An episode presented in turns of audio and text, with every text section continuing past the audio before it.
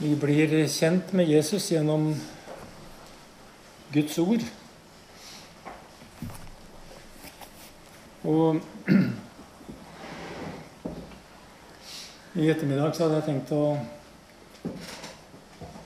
lese noen ord fra Lukas evangeliet, det fjerde kapittel.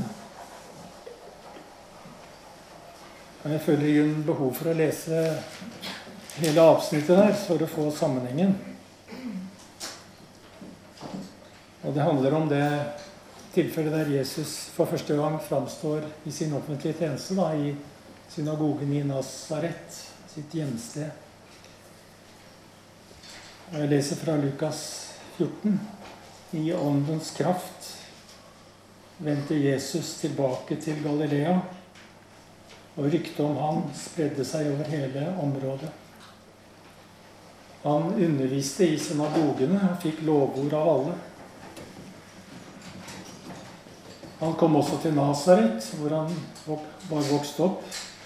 Og på sabbaten gikk han inn i synagogen slik han pleide. Da han reiste seg for å lese, rakte de ham profeten Jesajas bok.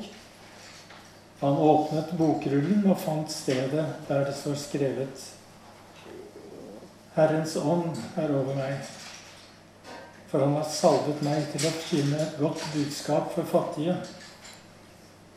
Han har sendt meg for å rope ut at fanger skal få frihet, og blinde få syn igjen, og for å sette undertrykte fri og rope ut et nådens år fra Herren.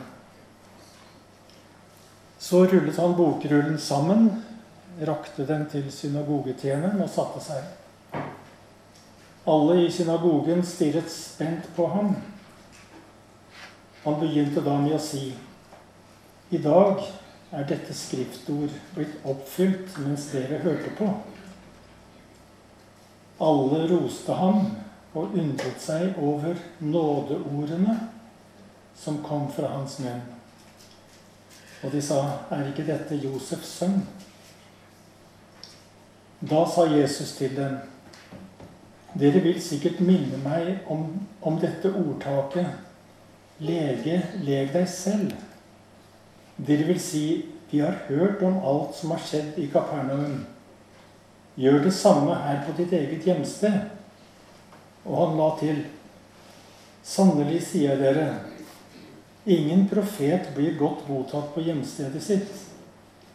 Jeg sier dere som sant er, det var mange enker i Israel den gangen Elia levde, da himmelen var lukket i tre år og seks måneder og det ble en stor hungersnød i hele landet.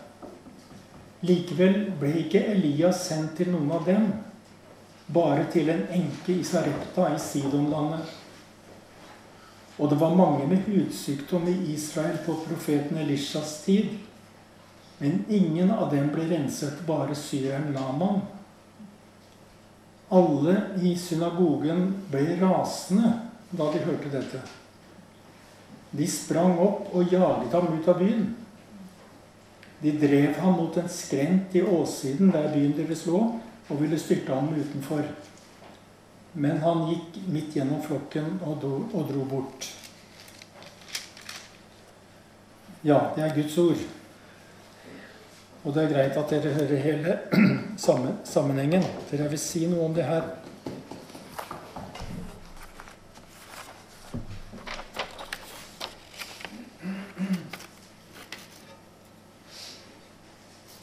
Det vi ser eh, av det som vi har lest sammen nå, det er at eh, det skapte først begeistring da Jesus delte ordet om nåden med sine sambygdinger i Nasaret. Og vi leste at alle roste ham. Men da det ble klart at det budskapet han kom med, sprengte grensene for tilhørernes oppfatning av Guds nåde. Da snudde stemningen seg. Og alle i synagogen ble rasende. Nå vet vi at enken i Sarepta var en hedning. Allikevel ble Elias sendt til henne med brød. Det leser vi i første kongebok 17. Og den eneste som ble renset fra spedalskhet på Elishas tid, var syreren Naman. Annen kongebok 5. Og det som er poenget her, er når Jesus leste det her for sine sambygdinger i Nasaret, så var det åpenbart for dem at de som Gud velsigna og Gud ga nåde, det var helt feil folk. Det var hedninger, jo. De hadde ikke del i Guds nåde. De var ikke regna med i Guds pakt med Israel. Og de var utestengt fra løftene. Rent fysisk så var de ikke omskåret. Og politisk og religiøst så hadde de ingen del i Israels religiøse liv. Og da Jesus i denne teksten vi har lest, løfter nåden ut over synagogeveggene, da skapte det raseri. Og grunnen var at de som hørte nådeordene. De ville legge, legge beslag på dem. De ville ha et eierskap til nådeordene. Eller sagt med andre ord de ville parkere nåden. Men Jesus, han er ikke klar for å parkere på våre oppmerkede parkeringsplasser. Nåden kan ikke parkeres. Ikke i synagogen, ikke i kirka, og ikke i våre liv heller. Det er imot nådens natur å stenge den inne. Nåden er en kraft som setter fanger fri, og som fortsetter å sette fanger fri. Nåden er en kraft som åpner blindes øyne, og som fortsetter å gi lys. Nåden lar seg ikke parkere. Og da Jesus talte nådens ord, så var det heller ikke bare for å trøste og velsigne og berolige. For nåden kan ikke fryses ned. Nåden kan ikke deponeres eller graves ned. For nåden den nåde som Jesus forkynner, det er et liv. Nåden er ikke bare en erfaring. Det er et liv. Nåden er en vei. Det er ikke en rasteplass. Nåden er dynamisk. Det er et liv, og den bærer frukt. Nåden er en vei som går tvers igjennom vår åndelige fattigdom. Tvers igjennom våre begrensninger og midt inn i vårt mørke. Nåden er en kraft som er virksom. En kraft som gjør noe. Nåden er en kraft som fullendes i svakhet, som apostelen Paulus sier. Nåden går inn.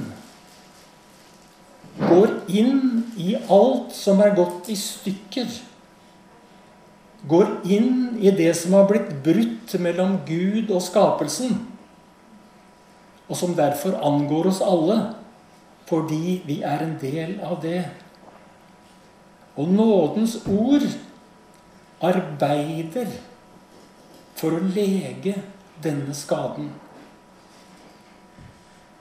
Nåden er ikke en medalje som vi kan henge på brystet. Nåden er et pund å forvalte.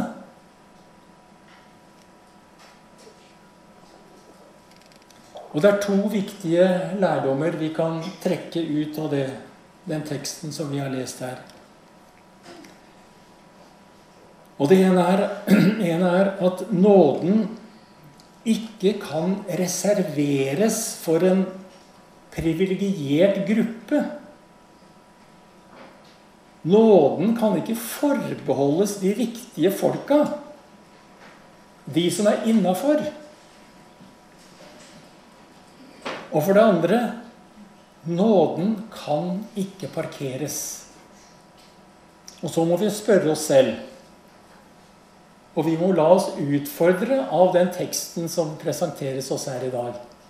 Og vi må spørre oss selv Legger vi beslag på Guds nåde? Og begrenser vi nåden til de som er innafor? Og mer personlig har vi rom i vårt liv, i våre liv, som vi ikke slipper nåden inn i? Har vi områder i vårt eget liv der nåden holdes på armelengs avstand? Kan det være at vi, må vi spørre oss selv, har vi parkert nåden i vårt eget liv? Sånn at nåden ikke får være virksom på alle områder og alle flater i vårt liv. For det er jo det Jesus har sendt nådeordet til. Nådeordet er uten begrensning og søker seg til alle flater på alle områder i våre liv. Nåden er riktignok en åpenbaring. Det er en innsikt. Det er en erfaring. Men poenget er at nåden er mer. Nåden er en kraft som fornyer og forløser, og som fremfor alt fordyper kjærlighetsrelasjonen til Jesus gjennom hele livet. Nåden er en vei som strekker seg gjennom hele livet. Gjennom alle livets faser.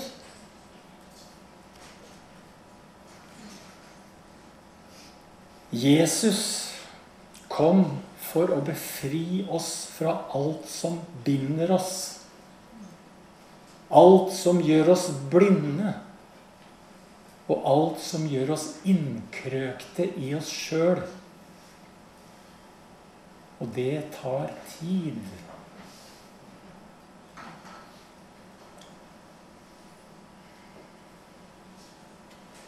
Men det er dette virksomme og kraftige og fruktbare nådeordet Lukas 4 handler om.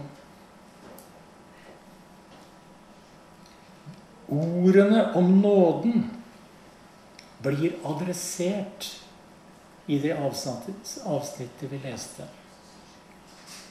Det blir helt klart adressert. Det blir adressert til de fattige.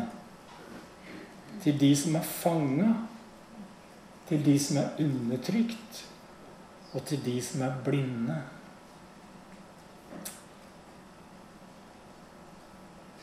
Men problemet er at det er ikke gitt. Det er ikke gitt at vi ser vår egen armod, undertrykkelse og blindhet.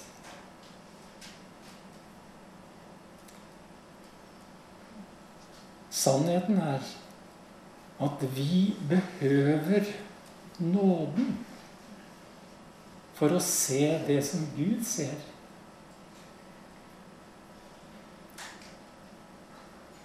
Nådeordenes siktemål er å avsløre mørket og tenne lyset.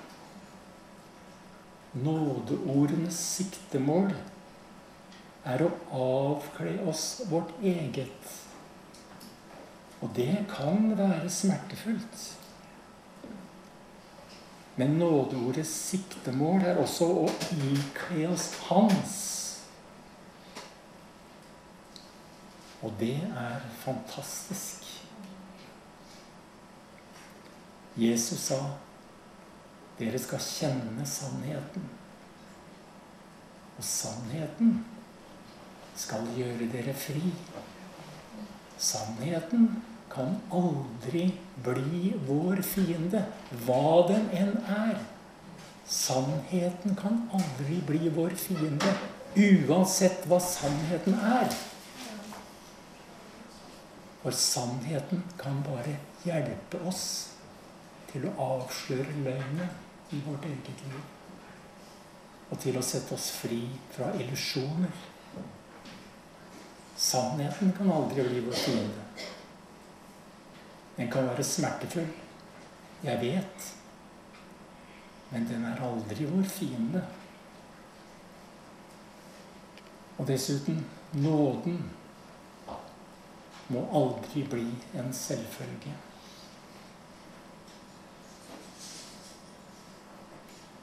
Innbyggerne i Nasaret dem satte en grense for nåden. Men den grensen har Jesus viska ut gjennom sin død på korset. Den grensen fins ikke lenger. Det er ingen grense for nåde. Jesus bygde bro over avgrunnen som skilte oss fra Guds kjærlighet i Kristus Jesus. Og nåden når oss gjennom Hans ord og gjennom Hans nærvær. Men nåden blir aldri en selvfølge. Og det må ikke bli det for oss. For vi vet hvor vi kommer fra. Og vi vet at den nåden som har nådd oss, den er dyrebar. Den er blodkjøpt. Og la oss avslutte med et ord fra fra Efeserbrevet, det andre kapittel, der apostelen skriver Dere som en gang var hedninger av fødsel. Husk at dere en gang var uten Kristus. Utestengt fra borgerretten i Israel. Uten del i paktene og løftene. Ja, uten håp og uten Gud i verden. Men nå, i Kristus Jesus, er dere som var langt borte kommet nær til på grunn av Jesu blod. Og fordi nåden er blodkjøpt, så la oss ikke begrense nåden. Og la oss heller ikke parkere nåden i vårt eget liv. For nåden vil noe mer med oss. Nåden vil gå videre med oss. Og det verk som Jesus har påbegynt i vårt liv, det vil han jo fullføre. inntil Kristi dag.